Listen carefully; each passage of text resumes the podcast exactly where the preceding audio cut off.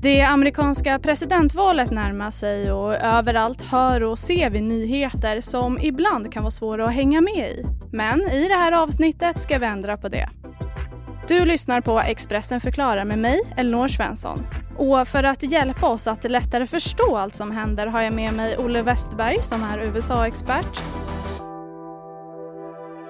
du, jag vet ju också att du har träffat både Biden och Trump. Det ska vi prata mer om lite senare, tänker jag. Men om vi går lite rakt på sak och bara eh, kort förklarar. Vad är det som händer i USA just nu? Ja, det handlar väldigt mycket om Trump. Det är ju frågan om folk ska rösta på Trump eller inte, mer än de ska rösta på, på Biden.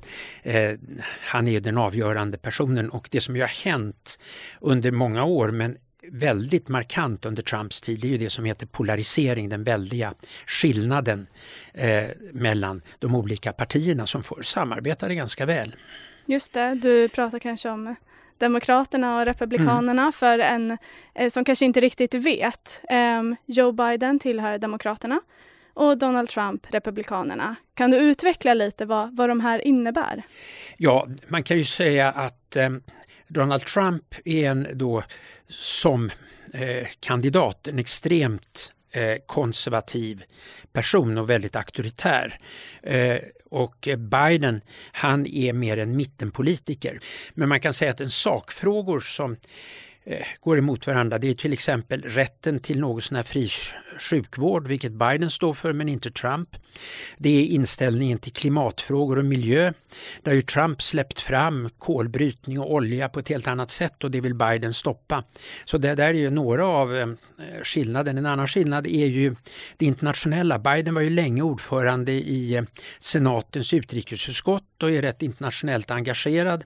Medan Trump som säger America first, han har ju då lämnat Parisavtalet. Han säger att USA borde lämna NATO och överhuvudtaget vill han liksom skära ner på de internationella kontakterna.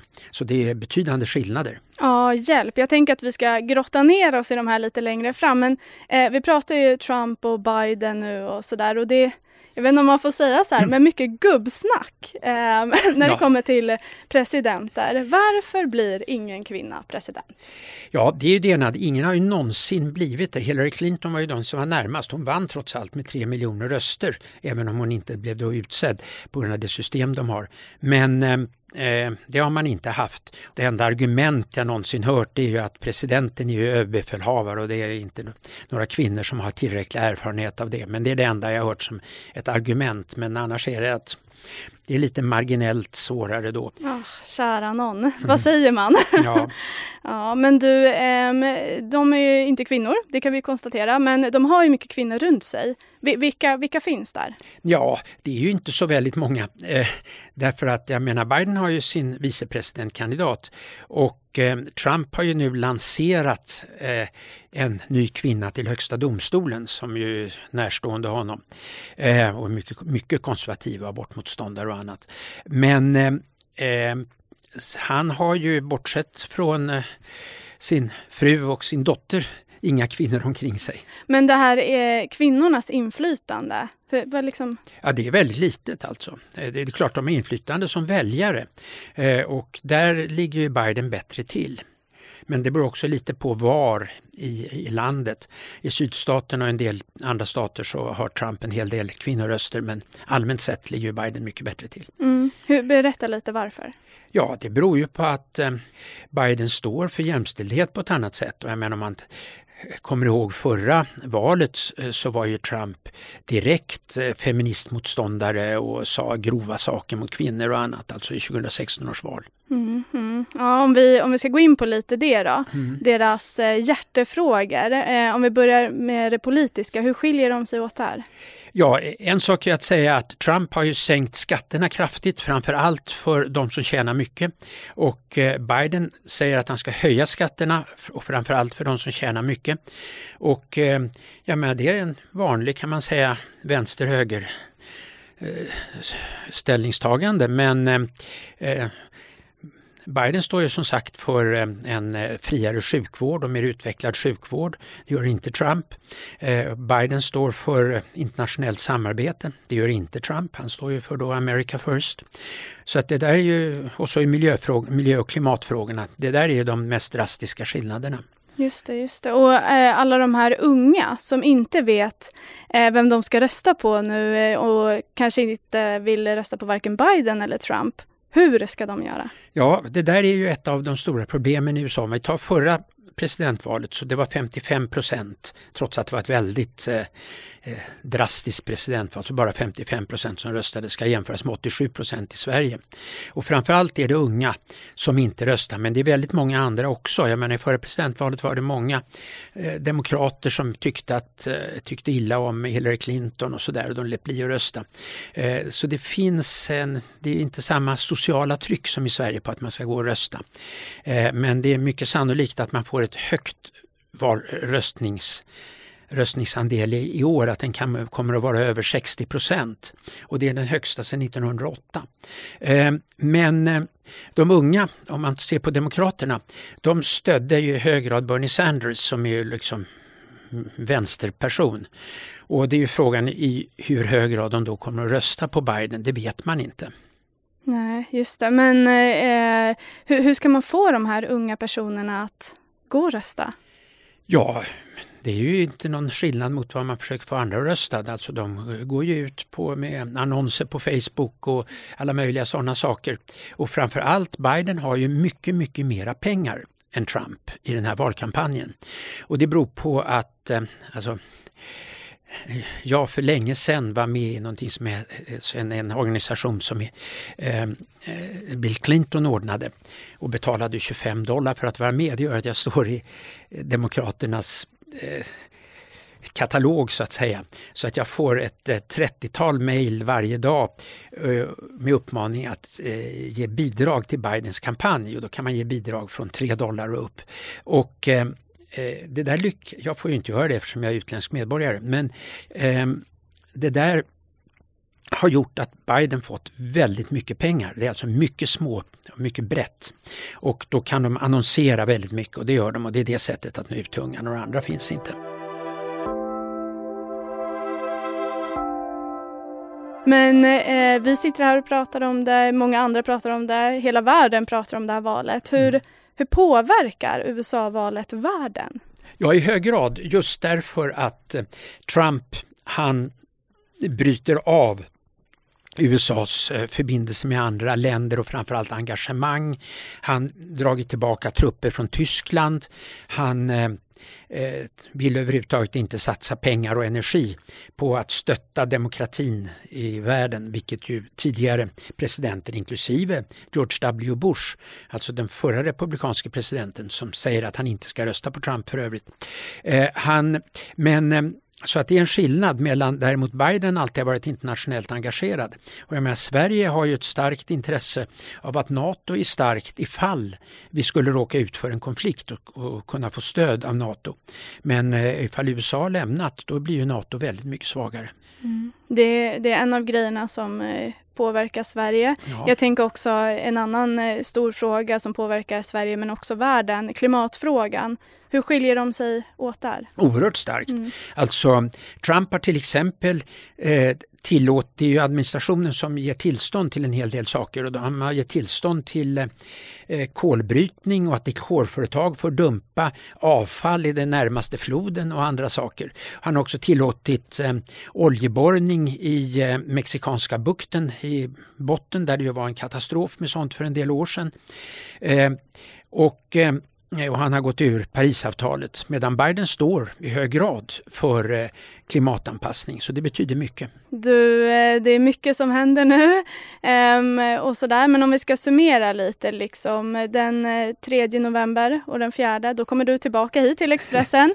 Berätta lite, vad, vad har vi att se fram emot? Ja, det vet vi inte. Det Eh, Biden leder ju ordentligt i alla opinionsundersökningar. Men det gjorde ju också Hillary Clinton. Hon vann med tre miljoner röster eh, men förlorade sen och det beror på det system de har. Eh, de, formellt sett så röstar man inte på presidenten utan på delegater till någonting som heter Electoral College. Och det beror på att den amerikanska författningen den är från 1787 och den är mycket lite ändrad. Och då på 1787, ja då fanns det ju inte ens Facebook eh, utan det fanns alltså inga nationella valkampanjer. Eh, man nådde inte ut internationellt utan de olika delstaterna, många kom med favorite sons, sina egna kandidater. Och sen så satt man en vecka i den här Electoral College och eh, debatterade och kompromissade fram en kandidat. Och nu är det så att då väljer man folk i Electoral College. Och eh, eh dels i små delstater lite överrepresenterade i Electoral College därför att alla har två mandat i grunden. Och sen eh, Eh, är det en viss osäkerhet kring det här därför att eh, nu har man ovanligt många poströster i år. Och eh, då är det så att i en del delstater de måste man ha poströstat så att poströsterna är framme på valnatten och man räknar dem då. Andra delstater underkänner alla poströster som kommer dagen efter valnatten även om de har eh, poststämpel tidigare och amerikanska posten är ganska ineffektiv. Ehm, och sen finns det en del delstater som väntar tio dagar med att rösta, med att räkna eh, poströsterna. Och eftersom det är ovanligt mycket poströster, 60 miljoner, 60 miljoner i år, så betyder det mycket. Och det där gör alltså att Eh, Eh, jag skulle tro att det inte är alldeles säkert på valnatten vem som har blivit. Sen är det så här att eh, det går ju att överklaga och om Trump inte vunnit eh, då kommer han säkert att överklaga. Han kommer att se till att en del delstater Eh, går igenom poströsterna och ska underkänna en del poströster och annat. Och Det som kan hända det är att några delstater, republikanska delstater, de säger att det finns inte underlag att sända iväg de här delegaterna till Electoral College. Och i så fall, då får ingen av kandidaterna egen majoritet eh, i Electoral College. Och då blir det ett helt annat system. Då är det Eh, Eh, representanthuset som ska bestämma vem som ska bli president. Och det kan Trump gynnas av, därför är det troligt att han driver det. Sen är det också troligt att han överklagar till Högsta domstolen massa av de här valsedlarna och valgrejerna. Det skedde ju 2020, 2000 och det innebar ju att eh, eh, George W Bush, trots att han fick färre röster än den demokratiska kandidaten, blev vald eftersom Högsta domstolen beslöt det. Men då var inte Högsta domstolen eh, tydligt politisk. Men nu fick ju för några dagar sedan så lyckades ju Trump utse den nya ledamoten vilket gör att det är en stark konservativ majoritet i Högsta domstolen. Så det här gör att, alltså så här är det, det är ju nu den 3 eh, november som det är val. Det är först 14 december som det här Electoral College ska träffas och avgöra. Och Därefter den 9 januari så ska representanthuset bekräfta vad Electoral College gjort eller ifall de då inte lyckats fatta ett beslut där så är det representanthuset som beslutar. Så vi kommer inte på två månader att ha ett riktigt säkert eh, resultat, sannolikt om det inte är så att någon av dem har vunnit väldigt stort eh, på tisdag. Sen är det så att den nya presidenten tillträder inte förrän 20 januari så under alla förhållanden så sitter Trump kvar som president till 20 januari. Och normalt brukar presidenterna då liksom underlätta för den som kommer och liknande. Det kan man inte räkna med med Trump. Han kommer säkert att försvåra om han inte blivit vald.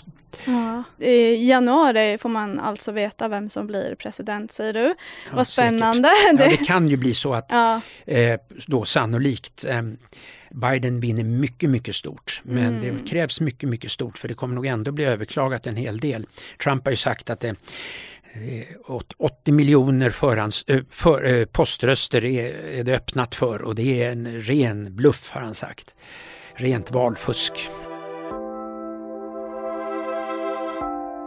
Men hur, eh, om vi eh, leker med tanken att eh, Trump blir president igen, hur blir fyra år till med honom? Vad, vad är hans nästa steg? Ja, då ska man komma ihåg att Trump har upplevts nu som auktoritär och extremistisk på många sätt.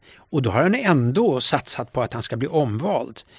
Och då vet han ju under de här fyra åren att han inte behöver bli omvald så han kommer att ta åtskilliga andra steg åt det egoistiska hållet. Det tror jag att man kan utgå från. Så att, ehm, eh, och det kommer att gå långt. Jag, menar, vi ser på, jag sitter med i, i styrelsen för eh, Sverige Amerikastiftelsen som ger stipendier till svenskar som vill studera och forska på amerikanska universitet. Men Trump har varit emot att man ska ge eh, studerandevisum till eh, överhuvudtaget utländska studeranden. Men det fälldes av domstol. Så att det, det, får de fortfarande. Men det är en typisk sån sak han kommer att driva igenom. Och han har nyligen drivit igenom en större rätt för presidenten att sparka offentligt anställda. Och så blir det säkert. Dessutom är det så att eh, eh, presidenten, eller det federala, utser väldigt många domare över hela USA. Och Trump har utsett fler domare än någon annan president. Och vad han då gör, det är att han utser mycket konservativa jurister och ganska unga eftersom de alltid sitter på livstid. Och det där kommer han att fortsätta med och det skapar ju ett eh, mycket, mycket långvarigt inflytande för honom. Mm. Spännande fyra år ifall det blir så. Hur skulle det se ut eh, om eh, Joe Biden blir president? Ja, om det blir Joe Biden så blir det en ganska pragmatisk tid skulle jag tro. Ja, men dels blir det mer internationellt engagerad och han har ju lovat om klimatengagemang. Men eh, framför allt så tror jag att det blir en ganska försiktig och pragmatisk eh, tid. Just det, äldsta någonsin, säger jag fel då? Jo, han är absolut äldst. Han är ju äldre än Ronald Reagan var. Mm. Så att det, det, han blir nästa presidenten. Mm. Du, tittar man lite på odds och opinionsundersökningar, om vi ska avsluta mm. med det. Hur, hur ser det ut? Det är väldigt svårt att säga, för så här är det. Att Biden leder, och han leder eh, totalt sett ungefär som Hillary Clinton. Eh, men han ligger också lite bättre till i de här avgörande staterna, swing states som det heter. Eh, och eh, Alltså det beror ju mycket på valdeltagandet och eh, normalt sett, man brukar säga så här att eh, Democrats fall in love, Republicans fall in line. Innebörden är att demokrater, de röstar bara om de är riktigt entusiastiska för kandidaten och det är klart det är inte så hemskt många som är det för Biden. Medan republikanerna de är mycket mer lojala och ställer upp. Men eh, det som ju innebär det här att man röstar på en vardag, vilket är unikt, men det beror ju på eh, konstitutionen från 1787 på den tiden så var de som skrev konstitutionen väldigt kristna och började helgen på fredagen så då fredag, lördag, söndag kunde man inte rösta. Och eh, sen kunde det ta ett dygn att åka till vallokalen med häst och vagn. Och det där ligger kvar och det gör att väldigt många eh, kan inte gå från jobbet för att rösta eller också får de löneavdrag om de går från jobbet för att rösta under dagen. Och det gör att de går och röstar på kvällen och då kan de få tvingas stå i kö i mer än en timme ute och väldigt många, framförallt demokrater, är då under den här coronatiden rädda för att göra det.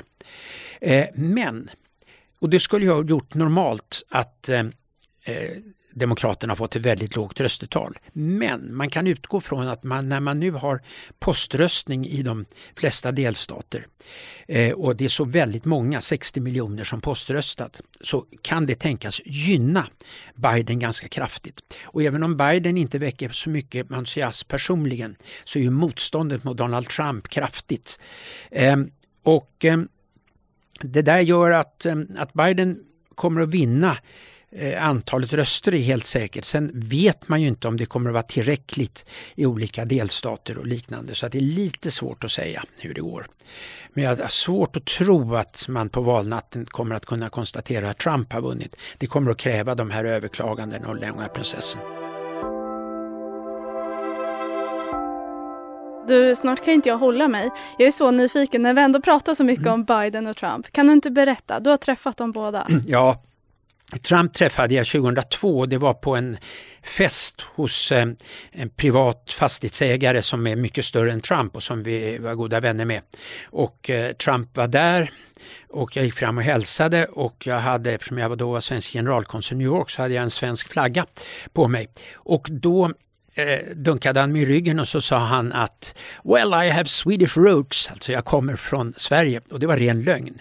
Utan grejen var ju att hans farfar kom från något som heter Kallstadt i Rheinland-Pfalz i Tyskland och så började de bygga billiga bostäder för nyanlända och sen när strömmen av tyska judar kom och de ville inte ha en tysk hyresvärd och då sa Trumps pappa att nej, nej, nej, jag är inte tysk, jag är svensk från Karlstad. Eh, och det där var ju ren bluff. Och det där eh, har utretts ordentligt. Men Trump har ändå upprepat det gång på gång så han vet att det är bluff. Men det är då så att varje möte han har, hur oväsentligt det än är, det är ett säljtillfälle, då säger han någonting bra. Och Biden har jag träffat eftersom Biden är med i någonting som heter Swedish Council i kongressen. Där de som antingen har svenska rötter, eh, släktrötter eller eh, på något sätt är eh, engagerade för Sverige är med. Och eh, Biden är med därför att han kommer ju från Delaware som är den gamla svenska kolonin på 1600-talet. Eh, men sen är han också engagerad för Raoul Wallenberg i ett sammanhang som jag träffat honom också några gånger. Och han gör ett väldigt sympatiskt, eh, kanske inte medryckande men väldigt sympatiskt intryck när man träffar honom. Man kan ju säga att Trump utmärks ju för att han vill bestämma allting själv. Det gjorde han även när ni träffades va? Ja, ja, det är han ju. Så har det alltid varit. Så det var ju så att när han var eh, han var ju länge då chef för ett stort fastighetsföretag och känd för att sparka folk och bestämma allting själv och allting sånt där. Eh, och det där gör han ju fortfarande och han tycker att eftersom han är vald till president är det han som ska bestämma allting själv. Och eh, det gör att de har en tredjedel av alla platser i förvalt de officiella förvaltningarna tomma. Folk vill inte jobba där och han är inte angelägen att få dit folk. Medan om det blir Biden så kommer han säkert att delegera väldigt mycket. Avstå från att fatta egna beslut utan det blir ministrarna och myndigheterna som i högre grad fattar egna beslut. Det kommer, tror jag, att bli mindre av en väldigt distinkt politisk profil än liksom ett löpande praktiskt sätt att arbeta. Det där vet man ju inte riktigt i förväg. Men... Nej. Nej. Nu när vi ändå är inne på dem lite så här uh, off the record nästan. Vill du, uh, hur, hur skiljer de sig åt privat som personer? Vilka oh, är de? Ja men väldigt. Jag menar, Trump dominerar alltid och uh, säger vad som passar just då och drar i med allting och Biden är rätt tillbakadragen, mycket försiktig och sånt där. Ehm, de är ju båda lite till åren kan man säga. Jag menar Trump är 74 och Biden 77.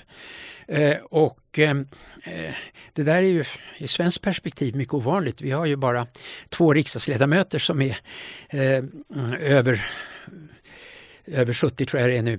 Ehm, och ehm, i USA så är ju eh, jag tror det är 12 procent av alla senatorer över 75. Eh, så att de har en helt annan syn på ålder. De struntar egentligen i ålder. Det är något annat man söker. Men ehm, på Bidens, I Bidens fall märks det lite grann att han är äldre, det märks mindre på Trump. Mm. Han har alltid varit ungefär likadan. Alltså. Jag höll på att säga, gå in på eh, Donald Trump när han säger Sleepy Joe. Det ligger någonting i det eller? Ja, ja han, kall, han säger ju då två saker om Biden. Det ena är att han kallar honom för Leiden, alltså den som ljuger. Det är ett sånt där trick. Och sen så säger han då Sleepy Jew. Och det är ett sätt att antyda att Biden skulle vara lite senil. Mm. Eh, och vad, med, med Biden är det ju så att han eh, sluddrar ibland och säger konstiga saker men det beror ju på att han har en bakgrund i att ha stammat. Stammade ganska länge, upp i 20-årsåldern, men det är ju länge sedan. Men eh, det, det kan ibland påverka hans sätt att prata. Mm. Mm. Ja, de tar till trick får man mm. minst sagt säga. Spännande det här. Olle, spännande blir det också på valnatten. Berätta vad du ska göra. Ja, jag ska väl följa med. Det är det man kan göra. Man kan titta på, S på CNN till exempel. Mm, och Expressen TV. Just det, jag menar det, det Expressen TV och CNN samarbetar ju. Stenkoll. Tack snälla Olle för att du kom hit och förklarade. Nu känns det som att jag förstår det här så mycket bättre. Och det hoppas jag att du som lyssnar också gör.